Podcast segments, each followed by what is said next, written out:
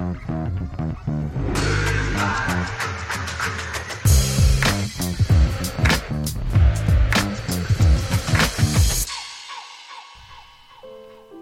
og velkommen til episode 12 av Brøyt, en podkast fra Runar håndball, sponsa av Healthworkers AS, med utstyr fra komplett.no.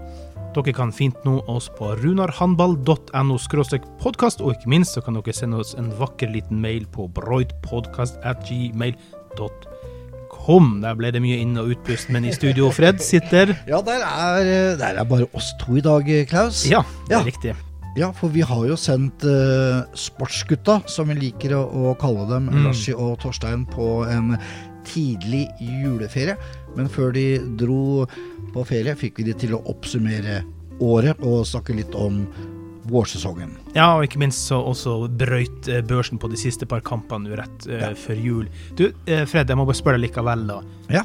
Det her eh, Sendinga går jo midt i selve jula.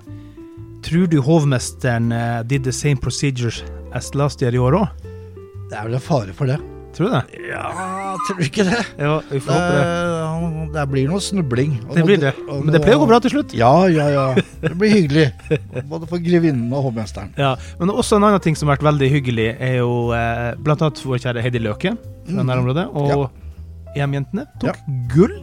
Gratulerer. Ja, det er veldig trivelig. Ja. Ja. Um, ellers, Klaus, hvordan har jula vært uh, så langt?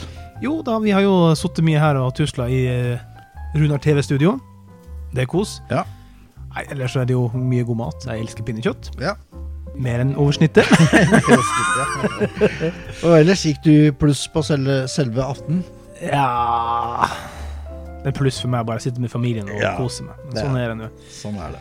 Det blir jul lell, som de pleier å si. da. Det er godt. det er godt. Så hva skal vi gå gjennom eh, sendinga? Det må jo sies, det her er jo en slags årsoppsummeringssending. Det er derfor vi sitter her og Ja. pudler litt i lag. Ja. Eh, du, I dag så eh, får vi besøk av eh, Ståle Horntvedt. Han er styreleder i Runar håndball bredde. Vi skal snakke med Pål Erik Haraldsen, som er arrangementssjef for elitearrangementene. Eh, hva som er gjort der i løpet av året. Og i tillegg skal vi snakke med Terje Strøm, som er eh, styreleder i Runar friidrett. Men aller først i dag, eh, Klaus, så skal vi snakke med styreleder i Runar håndball elite, Jørn Magne Johannessen. Og mm, det er en kar med lang fartstid i Runar. Ja, det begynte vel eh, tidlig på 90-tallet. Når vi starta Runar supporterklubb i 1990. Og da ble jeg den første styrelederen i supporterklubben. Som på det meste hadde over 900 betalende medlemmer. Etter det så har jeg vel stort sett hatt alle mulige verv i, i Runa-styret. øh, og vært trener på en, noen. Så jeg har vel snart 30 års kontinuerlig arbeid for, for klubben på Haukerød, som vi er så glad i. Du, ehm, eh, tenkte vi som styreleder i Runar håndball elite bare få en liten status eh, sett fra, fra, sett fra styrets side på året som har gått. Det har jo vært et veldig spesielt år, koronaåret. Det begynte jo altså det, det begynte litt vanskelig for oss i sesongen 2021 fordi vi, eh, vi havna ut i kvalik. Og, og da er det vanskelig å få starta skikkelig markedsarbeid og, og, og det å lage en ny stall når man ikke er, vet hvilket nivå man skal spille på neste år. For det er klart, Å spille i Rema 1000-ligaen kontra førstedivisjon, det, er- det er stor forskjell.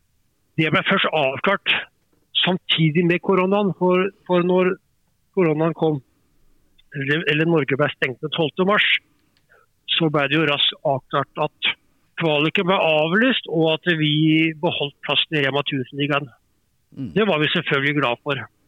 Utfordringa vår var da at eh, da måtte vi begynne å markedsarbeide. Og å begynne markedsarbeide når alt er lukket ned, det er vanskelig. Mm.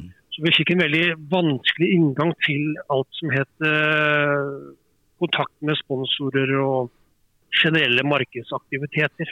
Mm. Men eh, det har nå en gang gått ganske greit.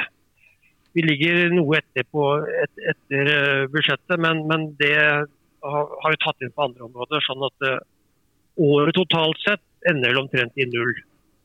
Vi tok, vi, tok de nødvendige grepene vi måtte. Vi måtte bl.a. permittere spillere i, i, to, i to måneders tid. Uh, det er selvfølgelig lite populært, men altså, det viktigste vi måtte tenke på er klubben i et langsiktig perspektiv. og Da, da kan de ikke, ikke tillate oss å gå med store underskudd. Så vi hadde ikke valg, vi måtte, vi måtte permittere. Mm. Noe for øvrig de nesten alle andre klubber også gjorde. Ja, det var vel eh, stort sett uh, permitteringer over hele linja. Ja. Og så har det vært veldig spesielt da, når sesongen kom i gang med at ikke vi ikke kan ha publikum på kampene våre. Vi har ikke hatt mulighet til å gjennomføre en del aktiviteter for sponsorene våre som vi normalt gjør. Det være seg eh, frokostseminarer eller business-to-business-arrangementer. Alt det har på en måte blitt har jo måttet vente med, rett og slett fordi det lar seg ikke gjøre med de restriksjonene vi har. Hvilke, hvilke hva skal vi si for noe? Eh, hva gjør vi mot sponsorene i disse tidene? Hva, hva, hva har vi å tilby dem, eh, bortsett fra kampbillett eh, i ny og ne? Nei, det er ikke så veldig mye annet enn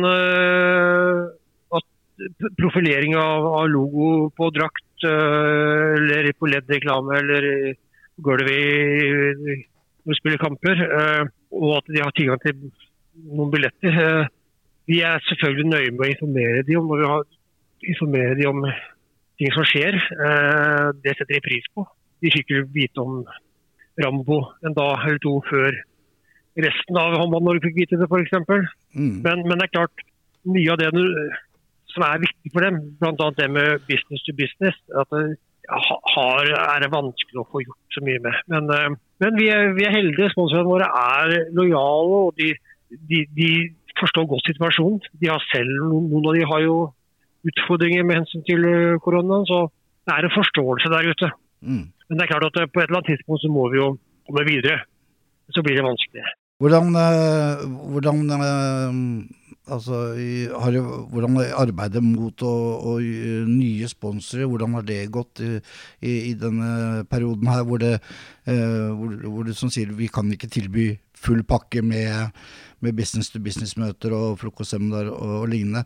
Eh, er da, hvordan er det å gå ut der da og, og snakke med nye partnere eller mulige samarbeidspartnere om, eh, om samarbeid? Nei, det, det, har vært vanskelig. Eh, og vi ser jo det også det at vi hadde jo for så vidt eh, lagt opp til en økning i sponsormassen vår. Det, det har vi, vi, vel ikke klart, men vi, har, vi, er på samme nivå som vi hadde året før. Så det er vi fornøyd med. Men, men den økninga vi hadde opp den, den lot seg ikke gjøre. Nei. Men, men det, vi får prøve igjen nå. Vi nærmer oss jo en ny sesong, så vi satser på at økningen kommer da isteden. Det har jo vært, eh, etter en eh, forholdsvis eh, grei start på sesongen, så har det vært en litt tung stund nå den siste, siste perioden her. Hvordan påvirker det sportslige arbeidet i styret og mot samarbeidspartnere? Nei, Det er jo også litt vanskelig, fordi vi er jo akkurat nå i samme situasjon som vi var i fjor, med at vi per i dag ikke kan garantere at vi spiller i Rema 1000-ligaen neste sesong. Uh, og det er klart, det, Vi må være såpass ærlige og si at det, vi, det er skuffende at vi ligger som nummer ti på tabellen. Vi har jo opplevd, jeg vil si vi har pranga på markedet, selv om vi fikk en liten korona-setback. Så har vi likevel hatt god framgang på markedet de siste åra. Vi har økt økonomien vår. Arrangementet vårt fremstår nå som et av de beste i, landet. Altså Vi har hatt stor framgang der. Mm. Vi har hatt framgang på organisasjonen vår. og Så er det egentlig bare sporten som henger litt etter. Men samtidig så er det jo sporten som er hovedproduktet vårt. sånn at eh, det er, det er klart, det, Vi kan ikke fortsette i mange år til å være nummer ni og ti og spille kvalik år etter år. Det, vi, vi, må få, vi må ha et løft der også. Det er vel uh, derfor det ble gjort noen grep i forhold til neste sesong med tanke på Rambo, og, og, for å heve kvaliteten uh, på laget? Ja, det er ingen tvil om uh, det er ikke noen tvil om at Rambo var et ledd i, i den planen. Mm. Så er det jo selvfølgelig kjedelig at vi har tapt de fem kampene vi har spilt etter at Rambo ble, eller fire etter at Rambo ble presentert. Men, Ja. men sånn er det. Tabellen lyver, lyver aldri. Vi er, vi er ikke bedre enn nummer ti per i dag. Håper at en uh, god periode i, i januar nå vil en god treningsperiode vil gjøre at uh, vi kommer ut mot tredje, er 3. februar mot Haslum og Ja. har et helt, helt annet nivå enn vi har i dag.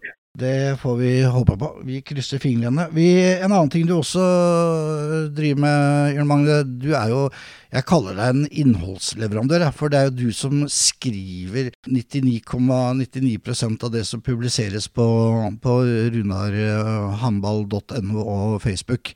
Du sitter jo med ufattelig mye kunnskap om hva som har skjedd i Runar opp gjennom tidene, og har kontroll på tall. øh, og, og, og kjenner historien her. Um, hvor mange artikler produserer du i løpet av et år? Nei, det har jeg ikke tenkt på. Men altså, det som er målet til, til norsk topphåndball, er at vi skal ha én artikkel om dagen i sesong, Mm. og én i uka utenom sesong. Vi er nok ikke helt der. Eh, og jeg er i hvert fall av den oppfatningen at det er viktigere med kvalitet på det vi leverer, enn kvantitet. Sånn at eh, når du først skriver noe, så må prøve, må det være noe som, som kan være interessant. Mm.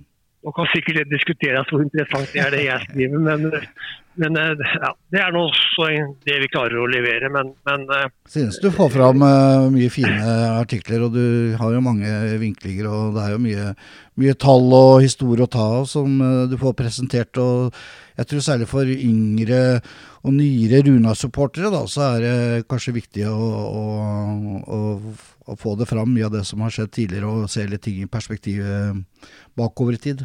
ja, det er hyggelig å høre det, Fred. Men, det, det krever ganske mye. Det er noen dager jeg sliter med å tenke på hva i all verden skal jeg finne på å skrive om nå. Mm. Siste uka var bl.a. sånn. eh, Det er kanskje ikke så lett å motivere seg heller når eh, sporten, eh, de resultatene blir som de blir heller. Å finne positive vinklinger på alt. Det er helt riktig. Ja. Jeg må innrømme det etter tapet i Jotundalen er den der eh, fredagen. Ja, Og sikkert fredag den 13., jeg vet ikke. Men uh, den, da Det gikk en to-tre netter før jeg sov godt. Mm. Jeg skal innrømme det. Ja. Og det er, vi er jo følelsesmennesker, og vi driver jo med det her fordi vi er glad i klubben og vi har, vi har følelser for klubben på Haukerø. Og da, da Det er tungt når, når vi ikke lykkes sportslig, men eh, det er ikke annet å gjøre enn å brette opp armene og jobbe bare enda hardere. komme seg videre. Da eh, takker vi for praten, Jørn Magne, og så ønsker vi fortsatt god jul og godt uh, nyttår. Takk det samme. Og så satser jeg på at guttene har spist godt med ribbe og lutefisk i går. Og så gønner jeg på, på ny, i det nye året. Ja, det har vært et krevende år, som vi får høre her. Hva tenker vi sjøl om det, Fred, her i eh, godstudioet? Det er klart, eh, med den inngangen eh, til sesongen og de eh, usikkerhetene som spant rundt Mm. eventuell kvalikkamp mot SO osv., så, videre, så er det klart at arbeidet som styret skal gjøre, det blir vanskeligere å utføre da når man ikke har alle forutsetningene Ja. klargjort, for Og si ikke minst så har jo da på en måte pandemien har jo herja såpass lenge, så det har jo vært en sånn ekstra langvarig utholdende eh, episode som selvfølgelig har vært likt for alle. Ja da. Og, og Runar har vært, øh, vært flinke på markedsarbeidet de siste årene. Og det med mm, business to business øh, og frokostmøter og seminarer i, med sponsoren osv. Men som er vanskeligere i år med det året her. sant? Ja, det har ikke blitt øh, Smittevern å- og ja. ja. det har ikke blitt mulighet til å gjøre noen av de tingene som vi, vi begynte å øh, innføre tidligere. Mm. Nei da, det har vært et spesielt år, så la oss nå også da ta og høre litt på hva Torstein og Larsi hadde å si, både om oppsummeringa av året sportsliv, men også ikke minst brøytbørsen for de siste to kampene.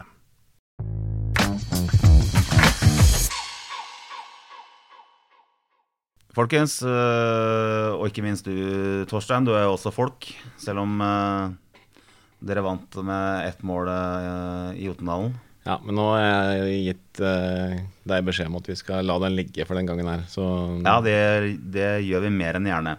Du, i dag skal vi prate litt om øh, de to siste kampene som Runa Sandefjord har spilt. Vi skal øh, snakke litt om øh, at vi er halvveis i sesongen, at vi står foran en liten juleferie, at det skal spilles et eh, mesterskap, noe som betyr at det blir pause i Rema 1000-ligaen. Men vi skal også da prate litt om uh, våre forventninger til Runa Sandefjord i vårsesongen. Vi kan jo starte med hjemmekampen vår mot uh, Nærbø. Uh, vi hadde jo litt forventninger der, selv om vi vel på forhånd antok at Nærbø var eh, favoritter i forhold til form den siste tiden, mister. Ja da, og vi sa det jo i forrige episode at uh, det er stort sett én mann som skyter på Nærbø. Han heter Tord Haugsing. Han gjelder å passe litt på. Ja, 13 mål hadde vel han, så Jeg vet ikke om Runagutta hørte podkasten vår? Det tror jeg ikke de gjorde. Det var ikke noe det var ikke noe spesiell oppmerksomhet på godeste Haugseng, og da sa han takk, takk for det. Og så skøyt han 150 underarmskudd. Ja, det Med tanke på at Nærbø kom da uten Andreas Haugseng, så var det Fra der jeg satt, så var det rart å se det forsvaret til Runar. For eh, Andreas Haugseng har vært eh, spilleren som har hatt, stått for 90% av innspillene til Nærbø-sesongen her. Og når han ikke er med, så må du rett og slett komme deg fram på, på resten av spillerne. Og det, det klarte ikke Runar, og da ender de heller ikke opp med noe poeng. Nei, det var langt unna poeng også. Det var rett og slett en skuffende forestilling hvor vi, hvor vi tapper 26-30 94, og det så jo ut som en periode der at uh, Nerve skulle skåre 50 mål. Så ble det heldigvis uh, et stykke unna det, men, uh, men Nærbø var klart, klart best i den kampen. Og Runar-folket måtte gå slukøra hjem. Men det er vel noen stjerner å gi ut, eller? Det er Ja, nå er det, ikke, det er ikke sånn at jeg kommer til å dele ut mange stjerner, Torstein. Det, tror det tror jeg du og alle andre skjønner. Men men uh, jeg syns Jostein Pedersen kommer inn, kommer inn i andre omgang, var det vel, og gjør sine saker veldig bra. Jeg mener han har fire mål på fem skudd. Det syns jeg var kjempepositivt, så han får én stjerne. Og så øh, syns jeg også at Anders Hallberg fortjener fortjener én stjerne. Og utover det så så var de andre et godt stykke unna, dessverre. Og det gjenspeiler seg jo i resultatet vi akkurat har nevnt. Og det, nei, det er litt gøy med, med, med Jostein der, for uh, han har ikke, det har ikke florert med, med spilletid på han og vært litt skada og sånt. og han tok, uh, tok virkelig den, uh, vare på den sjansen han fikk av, av trenerteamet, og blir med det belønna med én stjerne. Ja, og vi skal snakke om en annen kar også som som uh, tok vare på sjansen sin etter hvert, og det er i kampen mot Bekkelaget. Vi kan egentlig bare hoppe rett over uh, på den kampen, vi, borte mot Bekkelaget. Uh, vi prata mye om før den kampen at vi ville se en helt annen trøkk og helt annen tæl. Og, og, jeg satt hjemme i godstolen og kosa meg over det Runar presterte. Ikke nødvendigvis fordi det var, det var så strålende håndball hele tiden, men fordi det var det var en helt annen innstilling, helt annen trøkk og helt annen tæl enn, enn, det i hvert fall jeg har observert de siste ja, fem kampene. Fem-seks kampene. Så, så, det var gledelig å se. Jeg syns det var mange som på en måte gikk i, uh, gikk i krigen for, for, laget. Jeg syns det lyste litt utstråling og litt fandenivoldskhet. Og så får det på en måte det være at vi taper med ett mål, men den der lille holdningsendringa der, den syns jeg var deilig å se. Ja da, det var, eh, det var, noe helt annet enn vi, som du sier, som vi har sett de siste kampene. Og, og de hadde, i hvert fall der jeg satt, eh, fortjent å fått med seg minst ett poeng der. Det, det hadde de. Og, og Bekkelaget er de, er er vanskelig å spille mot på hjemmebane. De er gode i, eh, i sin egen arena, og det er ikke mange lag som har tatt poeng der tidligere i sesongen. Så det hadde, det hadde, virkelig vært fortjent for, for Runar å fått med seg ett poeng hjem. Ja, så er det litt typisk for laget i en såpass tøff eh, motgangsperiode som Runar har vært i også, at det, de gjør en bra kamp, og så, og så, har man ikke helt de marginene på sin side. Og det er prisen man må betale for å være ja, per i dag i nærheten av å lukte mot oh, nedrykk. Ja, det, Det ville ikke, det ville ikke vært eh, bra for Sandefjordballen hvis plutselig begge lagene skulle befinne seg i første divisjon. Det kan vi være enige om. Men vi hadde jo, eh, som du sa, en spiller som virkelig kom inn på banen og, og viste seg fram. Og selv om kommentatoren eh, som var i hallen, eh, sa 'brrkart', så heter han vel uh, Bukkart. Han gjør det. Eh, Du kan til nød si Bukkart, liksom. Det, det kan hende at eh, det, altså, det, det, er, det er greit, de to variantene der, men uh, akkurat den uh, du nevnte først her, den var uh, Han sa det ikke få ganger heller. Nei, for det ble jo noe mål på han. Ja, det gjorde det, og, og det er en spiller som vi vel har gått og venta på. Er så vidt jeg husker 2001-modell. Og du får rette på meg hvis jeg tar Ja, feil. han er født i 2000. Ja, mars, 2000. mars 2000. Ja, det er så nære at det må vi nesten kunne Ja, godta. Eh, poenget er at han er ung, da, eh, og, og, en, og er en, på en måte en uh, sulten spiller. eh, og Det kunne vi se også når han kom inn. Tok virkelig tak i det. Jeg syns han var helt ok i forsvar. Han var nest sist på en del skåringer, og ikke minst så hadde han, hadde mange fine avslutninger. Og det, ja, nei, det, det, var, det var gøy å se Bokart i den kampen her. Jeg har jo sett den fra Han spilt i Bergsøy og, og har tenkt at det her er en spiller som eh, må til en større klubb. Og han kom til Runar, og de har vel eh, latt den få vokse litt og, og tilegne seg litt erfaring. Eh, før de har virkelig latt den få komme til på banen. Og, og nå var tida inne, mente vel Gaustad, Og da tok han virkelig vare på den muligheten. Så jeg, så jeg gleder meg til å se videreutvikling til, eh, til han. Ja, han har eh, Du kunne jo se at gutten var eh, ordentlig spillesugen. Og, men jeg er imponert over måten han kommer inn og tar tak på. Og så viser han jo en, han viser jo en ro òg, da. Eh, selv om han er ivrig og vil mye, så har han liksom så har han den derre roa til å styre, styre skuta. Så han får vel kanskje noen stjerner, eller? Skal jeg love deg han får? Eh, eh, Bukken, som jeg kaller den. Eh, sitter jeg hjemme i Ålesund nå, tror jeg. Eh, Ålesund, Bukken. Sender over uh, to stjerner. Jeg skal, må bare beklage sunnmørsdialekta mi. den, den fortjener ikke stjerner, den, eh, det, det forsøket på Sunnmøre.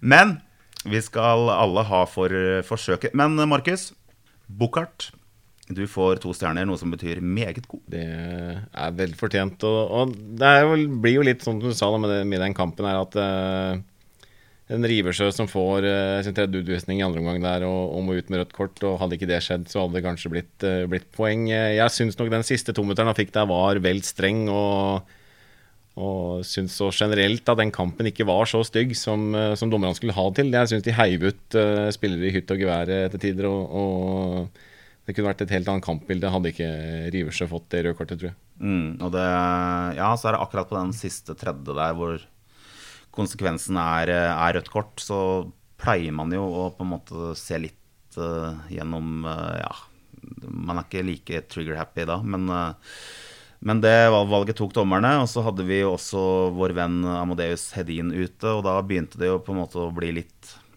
Halvtynt. Ja, litt halvtynt. Så er du nødt til å si ifra til meg hver gang jeg sier 'på en måte', for jeg har egentlig lova at det skal jeg ikke si så ofte. Nei, men det, På en måte. det er greit, det, på en måte. Så Nei da, men det, du skal få lov til å utøve ditt vokabular eh, sånn sett. Det skal du ha noen andre stjerner da, i den kampen her. Ja, jeg har det. Eh, vi har en venstrekant som eh, som har Som presterte en veldig bra kamp. Han heter Christian Vestby. Han får to stjerner. Ja, Han blei jo også kåra i, i hallen til Runars beste, så det var eh, vel fortjent med to stjerner der. Og da er vi, vi er jo godt over halvveis i sesongen. eh, Eller godt over og godt over, det er vel spilt én kamp mer enn halvveis. eh, Så ja, åssen vil du oppsummere det, sesongen hittil for Runar, Larsen? Jeg har noen tanker der. Eh, Jeg skal bare Du skjønner det at det er ikke så ofte når vi taper at jeg gir ut eh, mange stjerner. Men jeg, jeg har et par stjerner til, jeg, oh, her, du har såpass, Ja, ja? ja, Er, ja, er, ja. er julenissen på besøk? Ja, ja, har på nisselua. Nei, det er ingen gave. Det er en eh, velfortjent eh, stjerne. Det betyr god pluss. Det går til Håkon Sætre, som kommer inn for Ballsby. Og, og jeg syns han er flink bakover, og så er han treffsikker fremover. Også en spiller som vi har venta litt på at skal vokse inn i Runar-mannskapet og vise fram eh, potensialet sitt. Så Håkon får én stjerne, og ikke nok med det, så får eh, Tobias Rivers, Riv, Riversjø, heter han, også én stjerne. Og det, og det, er egentlig først og fremst i forhold til at jeg syns han står fram som den kapteinstypen jeg mener han er. Eh, og tar litt ekstra tak og har en veldig god start på kampen. Og, så ryker han ut med tre utvisninger etter hvert. Men uh, han har en go i seg som uh, jeg syns fortjener en stjerne. Det er greit. Ja, men da er jule, julegaven over, eller? Da er uh, stjerneutdelinga over, ja. Uh, så da skulle vi snakke om uh, sesongen så langt. Mm. Da kan jo du få lov å si litt hva du tenker, du som er Du er jo ikke helt blå. Du er jo faktisk litt svart og hvit òg, uten at du kommer til å innrømme det uten at jeg kommer til å innrømme, så er de svarte og hvite fargene fra kjøling. Så... Ja, men de, de, kan jo fort uh, på en måte forveksles, da. Nei da, men altså, det er som jeg sier, jeg eh, har sagt før, at uh, den rivaliseringa SO og Runar, den, den, var mye sterkere for, for 20 år siden. Uh, ja, for det er ikke sånn at du driver og skraper opp bilene til Runar-spillerne nå og, og, skriver sånn Tullebukk. Tull, tullebukk. Nei, jeg gjør ikke det, altså. Jeg er, eh, først og fremst så er jeg veldig glad i håndball, og jeg er glad i god håndball. Og, og syns det er veldig gøy å se mye håndball, og gjør for så vidt også det. Og det å ha kommet opp her eh, har vært en bonus for meg eh, hittil i sesongen, og, og, trives eh, veldig godt med det sjøl. Men jeg jo, har jo røttene mine ned i, i Jotunhallen, så, så mener jeg om at eh, man må, man må, utvide horisonten litt, og, og, det har jeg virkelig fått gjort når jeg har kommet opp hit. Så jeg, vi kan jo se det sånn at jeg er fortsatt blå, men eh, svart og hvit, det, det jo, har jo en liten, en liten plass allikevel, selv om det er kjøling. Ja, og det er Jeg tror vel eh, de fleste av oss har litt det samme utgangspunktet som deg, at vi, vi liker håndball. Og vi er glad for at vi har faktisk uh, mulighet til å gå og se uh, Rema 1000 ligahåndball uh, omtrent hver eneste helg når det er sesong. Så, så det, jeg er titt og ofte nede i Jotunhallen også. det er ikke sikkert så mange veit det, men jeg har vært spiker i Jotunhallen. I hvert fall i tre sesonger. Og ikke nok med det. Du figurerer jo på Stiftsangen. Ja, jeg er faktisk med, med på Stiftsangen. Så så her er, vi, her er vi glad i håndball, og vi er glad i klubber som vil opp og fram. Det, det er vi faktisk. Ja, nei da, Men sesongen, Larsi. Eh, ja. Runar de har jo variert veldig. Eh, fra det helt fantastiske borte mot Nærbø slår de til eh, tapende i Jotunhallen for, eh, for SO, eh, som sannsynligvis er både høydepunkt og ikke-høydepunktet for din del. Eh, jeg vil si at eh, når Runar er gode, så er de gode. Og når de er dårlige, så er de desto like dårlige. Eh, og håper at de, de, de mangler en stabilitet da, i laget sitt.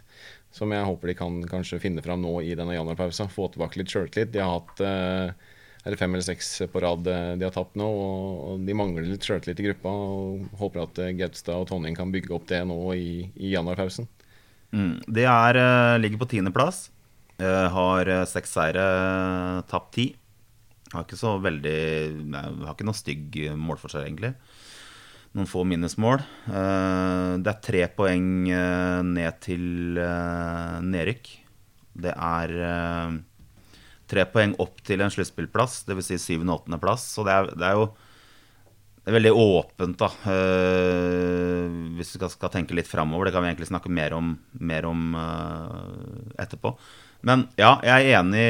Det har vært for ustabilt. Eh, samtidig så har det vært Det er jo mange jevne kamper. Jeg har laga en liten uh, liste på det, og det er liksom Vi har tre kamper som vi, har, som vi taper med fire mål, og så er det 26-27, det er 23-24, det er 27-28, det er 29-30 nå sist.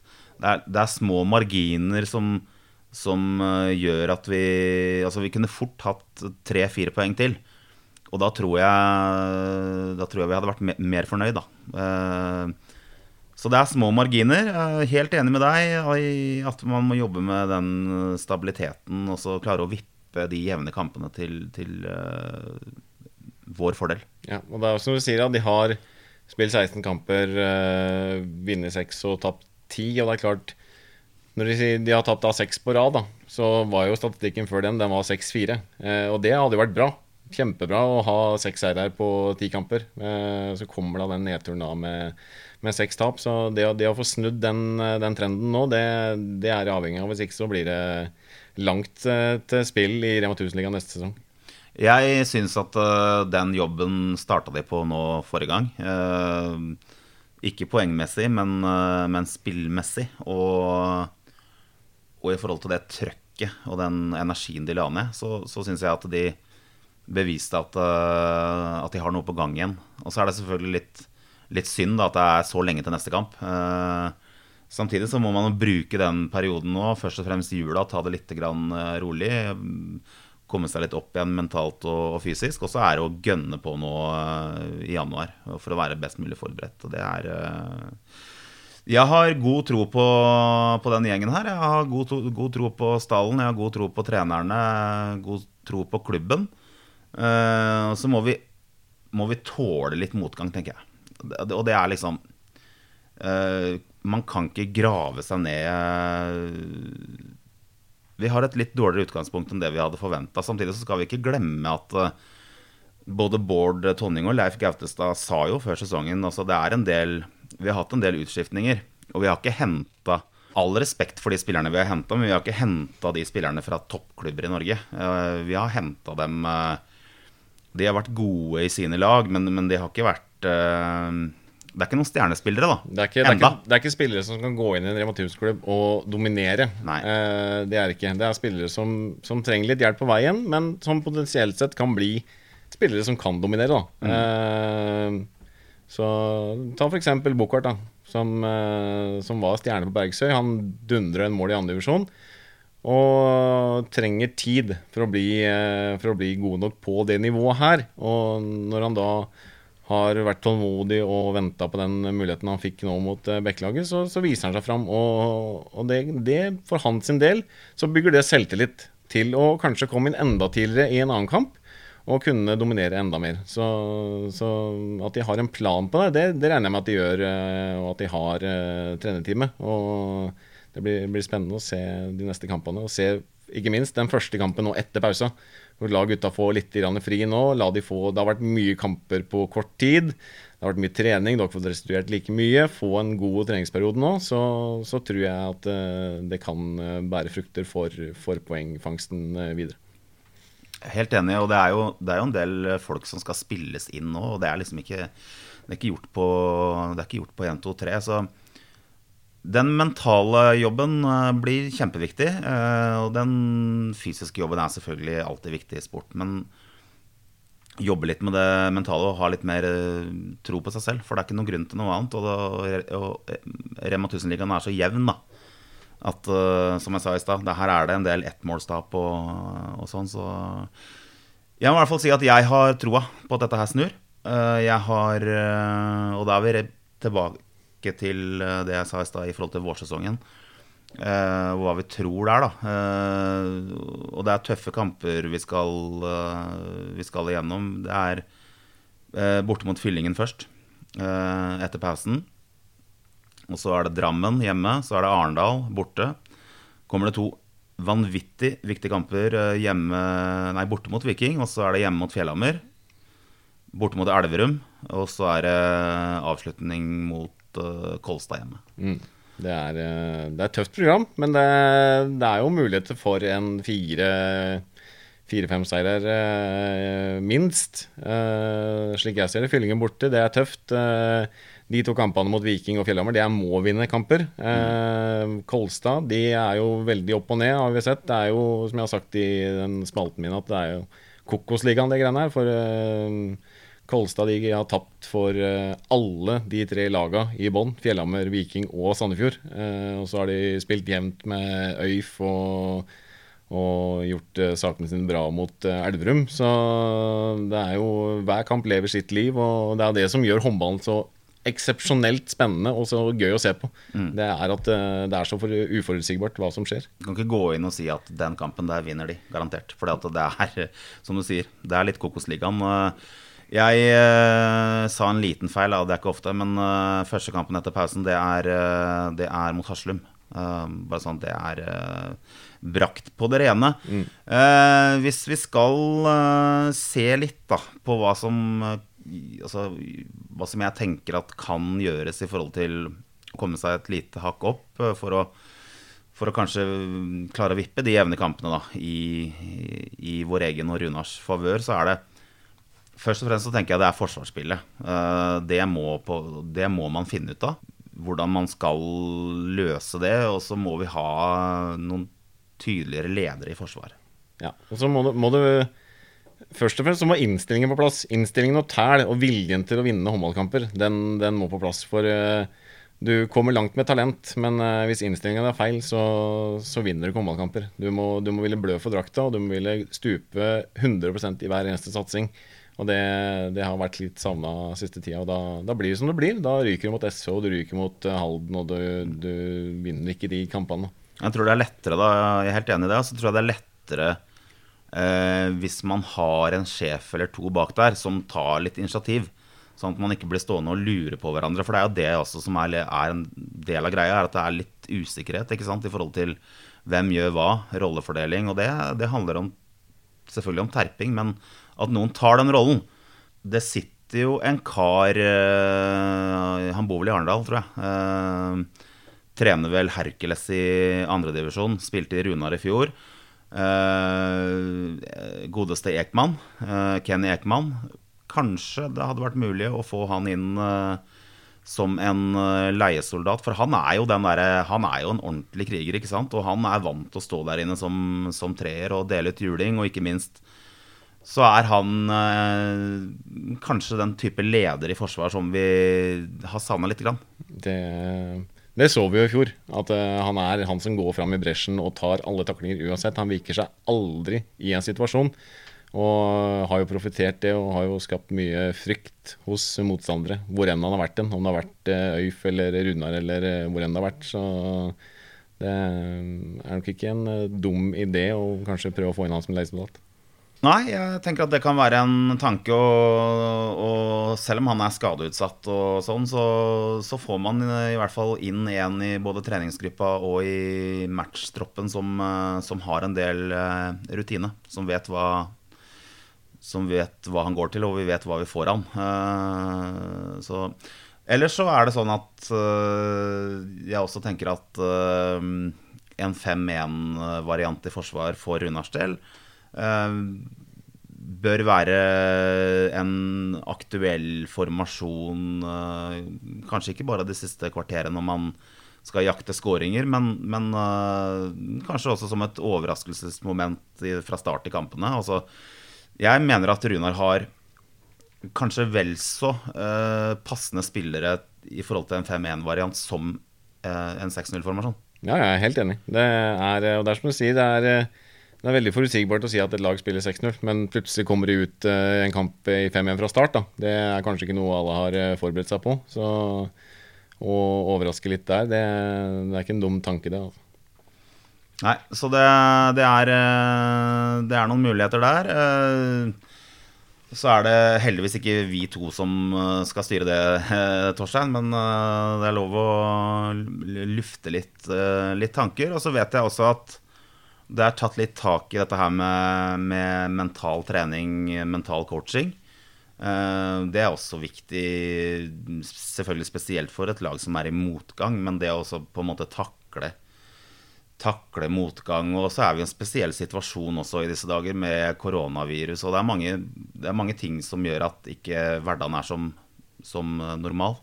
Eh, så mental trening, det tror jeg flere klubber eh, Altså ikke bare Runar, men flere klubber kan eh, tjene på. Og sette litt ekstra fokus på det. Ja, ja. Det, er, det har jeg opplevd nede, i Sandefjord. Det var en sesong hvor vi lå langt nede og trengte, trengte noen seire på slutten av sesongen. Henta inn en mental trener, og plutselig så slo vi da Elverum på bortebane og slo Follo hjemme og berga en kvalikplass. Rykka vel riktignok ned sikkert den sesongen, da, jeg husker helt riktig, men Det, det fikk oss til å endre veldig tankegang eh, med en mentaltrener, og det, det hjalp oss borte mot, eh, mot Elverum, ikke minst. Mm. Og så er det litt sånn der Ofte så er det ikke noe hokus pokus, dette her med å gjøre forutsetningene litt bedre da, for å kunne vinne flere håndballkamper. Og det, det handler jo litt om det å ja, Hvis man kan score på tre, tre sjanser mer, da, altså brenne tre, tre færre skudd, gjøre fire færre tekniske feil i løpet av en kamp, sette inn fem ekstra taklinger, så er du, så er du plutselig der. Så hvis man klarer å bryte det ned litt på den måten der, så, så tror jeg altså det er, en, er, et godt verktøy å bruke. Ja, ja. og Det er jo ikke alltid det skal se så innmari vakkert ut. Altså, det gis fortsatt, så vidt jeg har fått meg, ikke ut stilpoeng i håndball. Uh, det er klart, Da kommer man langt med innsats. Det, det, gjør man. Man gjør det. Vi skal, uh, før vi blir altfor tørre i munnen, uh, Torstein, så skal vi tenke på å avslutte. Jeg vil bare egentlig oppfordre alle som er, som er rundt, rundt laget, og som holder med Runar. og det vi kan bidra med nå, det er positiv energi.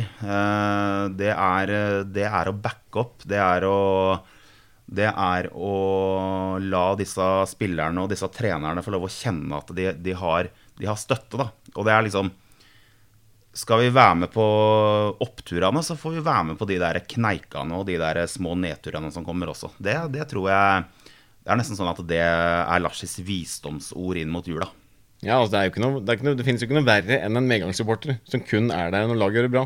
Det du må stå sammen i, i tykt og tynt, og, og, ingen lag er feilfrie. Og når du er i en bølgedal, så er det ingen tjent med at, uh, at du ikke får, får, støtte. Det er da du trenger det som mest. Så det er bare å snakke litt med gutta, få, få de opp i humør og, og, få de på rett spor igjen. Og det som du sier, det var eh, mye godt på vei mot eh, Bekkelaget. For Runar Holmås del så håper jeg at det, det bærer frukter i februar og videre utover. Vi er eh, optimister, eh, folkens. Vi har trua. Dette skal vi klare å snu. Så ønsker vi alle en riktig god og fredfull jul med masse god mat. Og selv om det er en spesiell jul, så kan vi sørge for sjøl at det blir en god jul. Og godt nyttår. Godt nyttår. Ja, det var sportsguttene våre, det, Fred. Hva, hva tenker vi? Ja, det var ikke rent lite de hadde på hjertet. Eh, men eh, nei, jeg syns det var en stødig oppsummering av eh, ståa, rett og slett. Mm. Det er Spesielt om dagen. Ja, det er sånn det er. vi ligger der vi ligger på tabellen alle ser at uh, her trengs det humør for, ja. å, for, å, komme tilbake på banen. Jeg likte triks i ludo, trikset til Larsi med å dra opp Kenny Ekman av hatten. Det hadde vært en fin løsning. Kenny er en kjernekar, godt likt av både de yngre spillerne og mm. de eldre karene her. Så ja, hvorfor ikke? Og da, Klaus, da har vi fått besøk i studio. Ja, Ståle Horntvedt, du er styreleder for håndballbredde her i Runar. 2020 eh, har jo vært et spesielt år. Hvordan ser du at det har vært liksom, for bredde og ja, håndball? Ja, det har vært et veldig spe spesielt år. Vi eh, kom jo så vidt inn i det året her sånn, og så ble det jo full stopp i, i mars. Ja.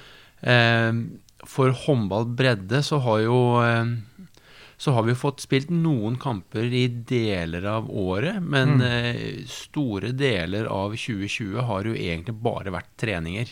Mm. Og det har vært eh, det har vært veldig krevende. Selvfølgelig så er vi veldig fornøyd med at vi har fått lov til å kjøre treninger. Ja.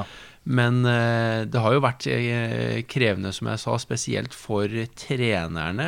I og med at spillerne ikke får spille kamp, så er det veldig krevende å lage varierte og gode treninger gjennom et helt år. fordi det har jo vært veldig fokus på det her med å ikke få frafall innen mm. idretten i 2020.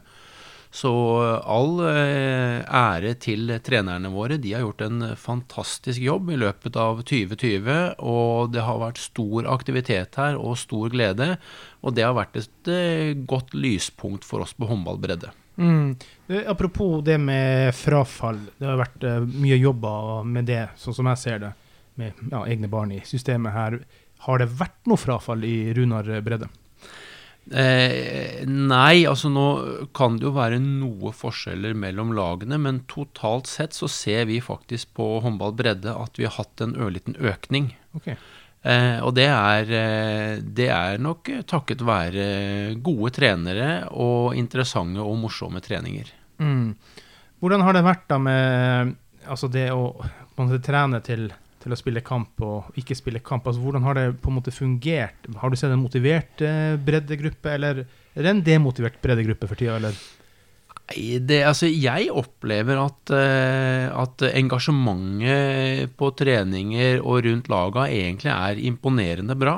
Mm. Eh, selv om eh, jeg snakker jo med trenere som sier at eh, de har spillere som er veldig frustrerte fordi Ja. at det, altså det er jo konkurransemennesker, og de vil spille kamp. Eh, og da er det ekstra viktig at man har dyktige trenere eh, som tar godt vare på også de, da. Mm. Det, altså, det med økonomi altså, Det har vært mye snakk om det med økonomi, og Idretts-Norge har slitt med økonomi. Men så har det også den sida med at for eksempel, det har ikke vært noen cuper og noen turneringer. Så har man spart penger på den situasjonen, eller har man tapt penger? Nei, altså det her med å eh, ha aktivitet, det er jo en veldig viktig inntektskilde, også Ja. for håndball bredde. Eh, Så det har helt klart vært eh, utfordrende for oss. Så skal det jo sies at vi som bor i Norge, vi er jo utrolig privilegerte med de støtteordningene vi har fra myndighetenes eh, side, men mm. vi har jo også måttet gjøre egne tiltak her sånn for å ha kontroll på økonomien. Men eh, så skal jo sies at vi i Runar vi er jo veldig heldige med at vi har administrasjonen her som har såpass god økonomistyring, og Runar er en veldig solid klubb. Så eh, vi eh, rent sånn økonomisk så klarer vi å komme ut eh, på den positive siden. Ikke med noen store tall, men vi, vi unngår å tape penger i 2020. Og det, det er takket være god jobb inne på administrasjonen i Runar. Ja, det er faktisk veldig imponerende. Men apropos det med tiltak. Er det noen oppdateringer nå rundt det med smittevern, regelverk videre? Altså de kampene som stadig utsettes, er det, er det noe nytt der på den fronten? Nei, altså den siste meldingen som vi forholder oss til nå, er jo det at uh, det er kampforbud vel ut uke to i januar. Mm. Uh, og så er det sånn at vi disse, disse reglene og føringene, de endrer seg jo. Ja. Så vi sitter jo mellom hver gang, vi, eh, hver gang de kommer med nye instrukser, så følger vi de.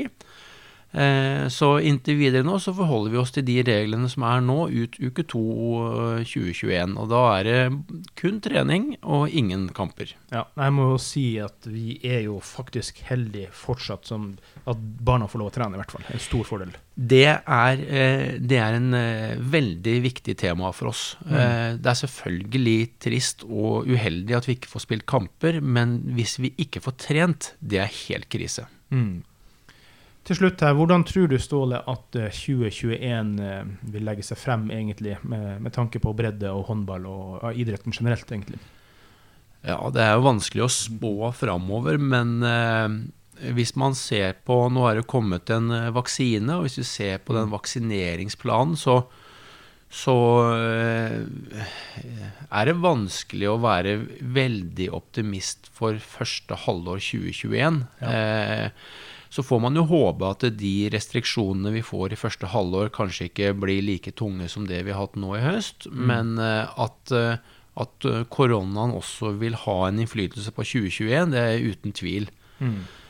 Det som gjør meg optimist for 2021, er jo det at vi har bevist gjennom 2020 med smittevernregler hvordan lagene har håndtert det her med treninger inn og ut av hallen og eh, antibac på hender og dokumentasjon på hvem som har vært der. Altså nå, altså, alle lag med trenere og lagledere i Runar de er nå så drilla at eh, eh, den biten bekymrer meg ikke. Men det, jeg håper jo at vi kan få hatt ganske mye kampaktivitet gjennom første ha- halvår av 2021, eh, selv om vi nok må leve med koronaen også. Ja, nei, det må jeg si har vært en veldig imponerende jobb her. Så vidt meg bekjent, så er det jo ikke da spor et eneste koronasmittetilfelle gjennom Runar. Det er helt riktig, og det, Det skyldes flere grunner, men eh, hovedgrunnen er det at de som, eh, de som driver de forskjellige laga, de har vært sitt ansvar eh, bevisst, og det har vært god dokumentering på samtlige inn og ut. og alle fra spillere til lagledere har vært flinke til å bruke antibac og følge de retningslinjene som gjelder. Og det, det skal de ha kreditt for, for alle kan klare det en to, tre, fire, fem uker, men når mm. du begynner å gå på seks, sju, åtte, ni måneder, så skal, det like, så skal det litt til å holde den intensiteten oppe på smittevern, men det har de klart, og det fortjener de applaus for. Ja, absolutt. Det må vi si. Tusen takk til at du kom innom oss, Ståle. Vi ønsker deg en fortsatt god jul, og ikke minst et riktig godt nytt år. Takk, og takk det samme. Ja, takk for det, Ståle og Klaus. Eh, mye å tenke på for eh, breddeidretten også. Ja, og så er det en eh, del til som vi må absolutt tenke på, og der gir jeg litt omsorg og tanke, og det er jo damelaget. Fordi du har jo hatt en grense med opptil 20 år og alt ja. det her. Og damelaget har jo rett og slett ikke fått gjort annet enn å bare drive med egentrening. Det må være frustrerende og veldig veldig vanskelig situasjon. Ja, de hadde vel en veldig kort periode hvor de fikk lov til å starte opp med med trening i gruppe. Og mm. det var snakk om uh, seriestart osv., men så gikk jo Norge inn i lockdown mm. i november, og da ble det tilbake til uh, joggeturer ja i naturen. Ja, nei, Vi syns virkelig synd på både trenerne og, og damespillerne. det må ja. si.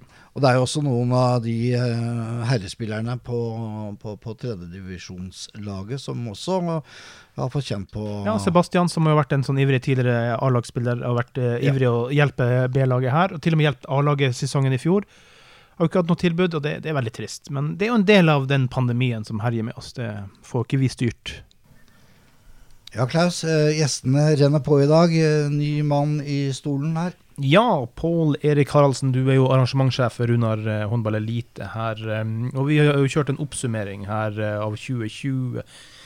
Vi har jo snakka med deg før, selvfølgelig, i podkasten, men smittevern, drive arrangement her, hvordan har det vært i denne vanskelige perioden?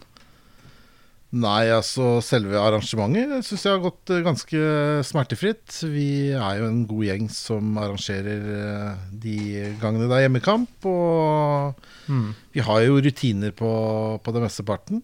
Mm. Og ja, jeg føler egentlig at uh, det har gått som det burde. Ikke noe særlige utfordringer for oss. Nei, Vi har snakket om det tidligere her på opptak her, at uh, det har vært en fantastisk innsats av Runar som klubb totalt sett. For det er ikke ett eneste smittetilfelle sporet til klubben her. Det er en bra jobb gjort.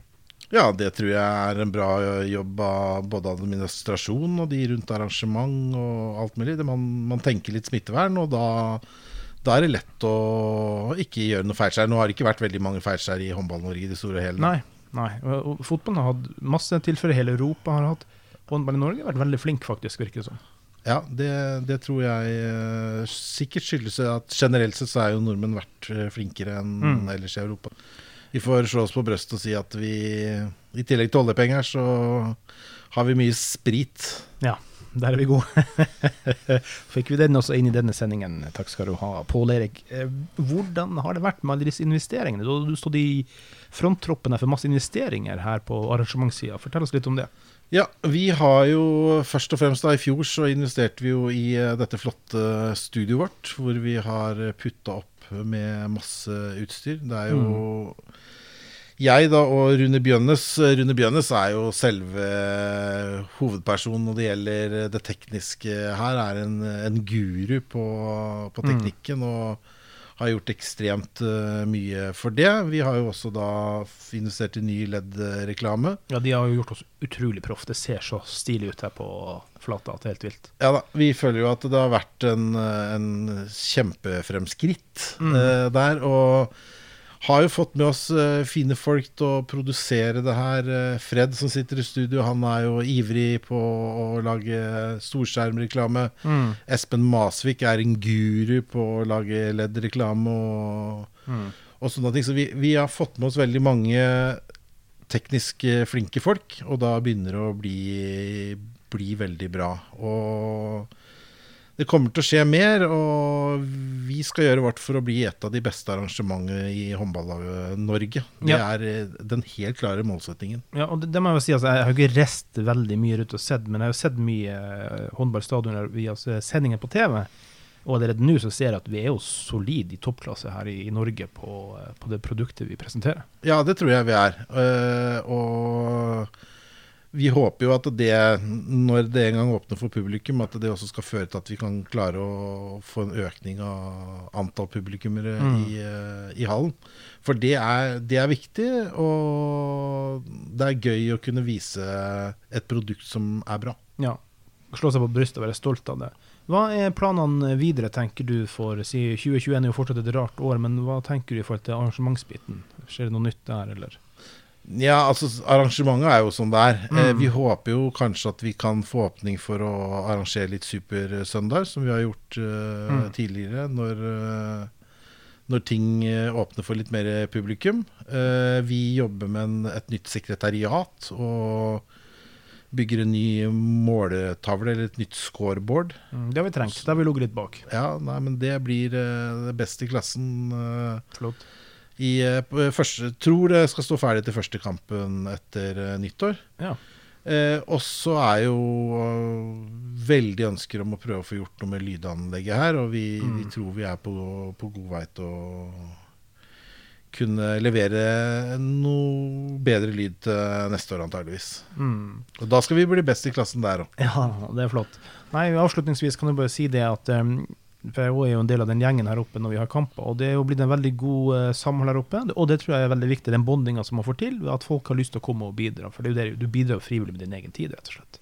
Ja, og det, derfor så prøver vi å tilrettelegge det best mulig her oppe også, sånn at de folkene som er her, eh, føler seg velkomne. Det er Mm. liksom pizza fra Peppes, og det er eh, brus fra Cola, og Mm. det er uh, vafler fra Runars Mm. eh, vaffelstekekorps. Så det er Jeg tror det skal være hyggelig å være her, og det, det tror jeg er viktig for å få alle til å bli, og for å klare å utvikle det produktet her så godt som overhodet mulig. Mm. Og det har det gjort. Da ønsker vi deg fortsatt en eh, god jul, Pål Erik, og ikke minst et riktig fantastisk suksessrikt nytt år. Det ønsker jeg dere også, så får dere skyte mye raketter, for det blir ikke gjort noe annet sted enn hjemme hos deg, Klaus. Takk. Ja, eh, vi begynner å bli veldig sterke på arrangement, eh, Klaus. Ja. Vi er jo begge to her må sies en del av den gruppa der, og jeg er veldig glad i det som kalles for, eh, på godt norsk, bonding. altså det at vi er sosiale, vi gjør ting sammen. Vi, altså du bygger en slags sånn der eh, At du har lyst til å være her. Du har lyst til å komme, du har lyst til å være Jeg merker det sjøl, jeg kommer stadig tidligere til arrangementer, for du, du har lyst til å være her. Det er viktig. Ja, og det er, jo, det er jo en frivillig innsats vi Ja. gjør, men, men eh, de legger jo til rette for at vi, vi skal kunne utføre de oppgavene da, med eh, og at vi har riktig utstyr, at vi Mm. har en viss form for servering. og Det Mm. trenger vi når vi er her i, i så mange timer. Og, Ja. eh, og, og vafler og, og, drikke osv. Det, det er faktisk eh, eh, Det er viktig når vi da tilbringer så mange timer oppe på galleriet før Mm. og under kamp. Mm. Helt enig. La oss høre også eh, på eh, hva Terje Strøm har å si fra friidretten. Ja, Klaus, vi fortsetter vår rundtur i hallen, og nå har vi kommet til eh, friidretten. Ja, Terje Strøm, leder i Runar friidrett. Hei på deg. Hei. Du, året 2020 har jo vært eh, veldig merkelig, og du har jo vært gjest hos oss her før, tidligere på våren, og snakket om det. Nå er vi eh, nærmest slutten av året. Hvordan ser du året under ett? Hvordan har det vært for dere i friidretten? Ja, det har vært et spennende og et utfordrende år. Med en del begrensninger. De som har dette gått mest utover, er de yngste. Mm. Fordi at For de eldste løperne våre som er i juniorløpet, de blir invitert på en del større nasjonale løp rundt i landet og har fått deltatt en del. Mens de yngste har vært stengt ute fra både innetrening og stevner og noen ting. Mm. Så, men vi har forhåpentligvis ikke mistet så mange. Vi skal starte opp igjen nå på nyttår og, og med innetrening for dem, og se hvordan vi kan gjøre for at vi kan få et bedre år. Ok, Så de har faktisk ikke hatt noen innetreninger nå i høst? Nei, de hadde hatt innetrening i høst, men i vår eh, så ble det stopp fra mars og frem til mai. Ja. Og så har det vært veldig lite stevner. Og så er det en del foreldre som har vært bekymret for, um, for smitterisiko. Det er jo ikke så lett å få åtteåringer til å følge regler som 15-16-åringer. Nei, nei, det er forståelig. Men du nevner det med utøvere. Har dere mista noen utøvere av den utfordringa vi står i? Det har vært litt frafall på, på trening for de aller yngste. Mm. Rekruttene, de som er under ti år. Ja. Hvordan ser du for deg å starte opp på nyåret og få i gang den aldersgruppa igjen? da? Blir det en utfordring, eller, eller er det noe Nei, ja, det blir en utfordring, men det er en utfordring å ta. og det er prioritet. Et av de prioriteringspunktene for neste år er å gi et bredere og bedre tilbud til de yngste. Mm. Og Hva gjør dere da i forhold til ja, si, oppdatering på smitte og, og, regelverk, smittevern og alt det? Hvordan gjør dere det da for å få dem i gang igjen? da? Nei, Nå må vi først se hva reglene skjer. Det vi må gjøre er at vi må gjøre som er gjort Nå er jo hallen oppe igjen. ikke sant? Så nå må vi gjøre som de eh, reglene vi har i Runar eh, generelt, om at man registrerer navn på alle som er der. Mm. At man vasker og går samlet inn. Hvor de kommer ikke så lenge igjen. og igjen. Vi går samlet inn, ikke bruker garderober eller noe sånt. Nei. Skifter hjemme. Ja, og så at vi vasker både før og etterpå. Og at vi har full kontroll på hvem som har vært der på de, de hver eneste trening. Ja. Har dere blitt ramma noe økonomisk i gruppa deres av, eh, av disse tidene?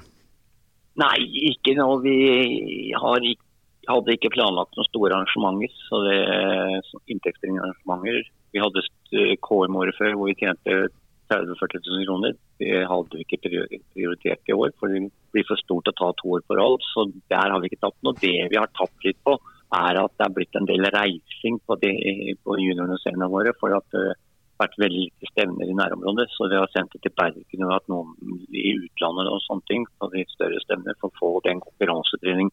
Folk som satser på med åtte-ti timer i ganger eh, trening i uka og som satser, mm. så må de konkurrere. Det hjelper ikke bare å løpe på trening. Nei. Men så var det sånn at dere fikk jo deltatt etter hvert på en del eh, stevner eh, utover høsten. og sånn. Det har jo gått ganske bra, har det ikke det egentlig? Jo, det har gått veldig bra. Det ble litt færre, litt færre NM-medaljer sånn, for det var tynna i klassene, sånn som, sånn som halvjentene sånn som tok masse gull i junioren i fjor. I år fikk de ikke være med, for de måtte være fylt 18, og det er jo ikke de. Så, sånn sett, Men vi har hatt veldig gode prestasjoner, hatt veldig fremgang. og På landslaget som ble tatt ut nå, så er det på U20-landslaget så har vi I Norge er det ni med på det landslaget. Vi har eh, tre av de ni, altså en tredjedel. Og på U23-landslaget så har vi to. Mm. Og så har vi en utøver til som ikke er norsk statsborger, men uh, jobber som også kom inn på det U20-landslaget når vi har fått det statsborgerskapet. Da har vi nesten halvparten av U20-landslaget på mellomlangdistanse på begge kjønn. da. Spennende. Og så har vi også folk det vil jeg si, så har vi folk som En som heter Rabi, som er 17 år. Han er nummer én i Europa på, på på 3000 og nummer to i Europa på 5000 for 17-åringer. Og Andrea Moldin Engstedt, som er junior og ble norgesmester senior på hinderløp. Mm. Hun er nummer to i Europa for junior på 3000 hinder. Mm. Og så har vi på 3000-lista i Norge så har vi fem stykker i, i, i jenter junior blant de åtte beste. Ja. Så 2021, det ser du på med spenning, vil jeg tro resultatmessig. Det ser veldig bra ut for dere. Men hvordan blir det opp mot altså, koronatiltakene osv. Hvordan ser du 2021 eh, legge seg foran eh, føttene for dere? Det er jo litt spennende, og det kommer litt an på både hva som skjer med utviklingen av korona nasjonalt, og hvordan det kommer med vaksine og sånne ting. Mm. Men vi satser på at vi skal løpe NM og, og UM og junior-NM. Og vi satser også på at vi skal ha deltaker med i U23 ved EM i Bergen og U 20-EM i Litauen. Det satser vi på, og det trener mot dette. Hmm. Nei, Det må vi jo si. Vi er veldig imponert over hva eh, friidrettsgruppa til Runar eh, gjør, basert på det, det antallet man er og ja, får de resultatene man får. Det er et imponerende arbeid som legges ned til grunn her. Ja, og det er et arbeid som ikke bare utøverne, men det er også trenerne gjør en kjempejobb. De er til stede på omtrent hver eneste trening. Mm. Og de trener tross alt hver dag. Nei, men Det er veldig flott, eh, Terje. Vi ønsker dere virkelig virkelig lykke til i 2021. Jeg håper jo at uh, det kommer mange stevner som også flere, både ja, bredde, alder og topp idrett, får lov å delta på. Og så ønsker vi deg en fortsatt god jul og et riktig godt nytt år. I like måte. Ja, skikkelig gøy med resultatene til eh, friidretten. Runar er jo faktisk i godt oppe i europatoppen eh, Ja. blant de yngres. Ja, jeg må bare si at det er så imponerende, fordi at hvis du teller antallet hoder i den gruppa, så er ikke det veldig, veldig stor gruppe, og likevel så presterer de så ufattelig høyt. Vi har jo hatt uh, mange gode mm, utøvere opp gjennom årene som nå er tilbake på en måte, i trenerapparatet. Da, og det er klart mm. å også sørge for at det egne barn er med og, og bidrar der. Så det, det er ja. god kvalitet på, på, på, på trenerapparatet og, og på rekrutteringen. Nei, det, det er veldig fint. Nå, Fred, skal jo vi ta og runde av denne litt spesielle oppsummeringsepisoden vår, som jo nå har vært Ja. til deg i romjulen, men eh, vi er jo i ferd med å gå over i et eh, nytt år, og eh, neste gang eh, blir episode Ja, vi tar dem en eh, liten juleferie og, og, og, og ses igjen, eller hørs, som det heter, 15. januar. Ja.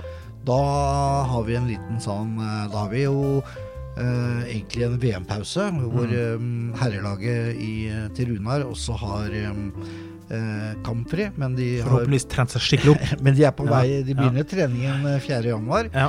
Så, mm, så vi skal da eh, bruke den episoden da, til å snakke litt om, eh, om eh, VM. Mm. Eh, og da har jo også Norge spilt sin første kamp, for den spiller de 14. januar Mm. eh, mot Frankrike. Ja, og så skal vi prøve å snakke litt med både trenere og, og spillere Ja. eh, frem til da, så Vi skal eh, ta med mikrofonen ned på banen, eller få lurt de opp i studio, og høre litt eh, hvordan eh, jula har eh, vært, og eh, ikke minst eh, hvordan de ser på vårsesongen. Ja, og at ikke man har spist for mye julekringler frem til da, og har lagt på seg for mye. Du, apropos får vi runde av, Fred. eh, Ja. Nyttår. Ja, Hvilke nyttårsforsetter er det du peiser på med i år?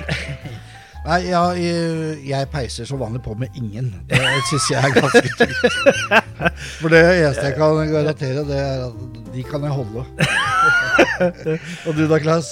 Ja, nei, eh, jeg skal ikke sette det opp som et sånn helt ordinært standard nyttårsforsett, sånn jeg skal begynne å trene, som de sier.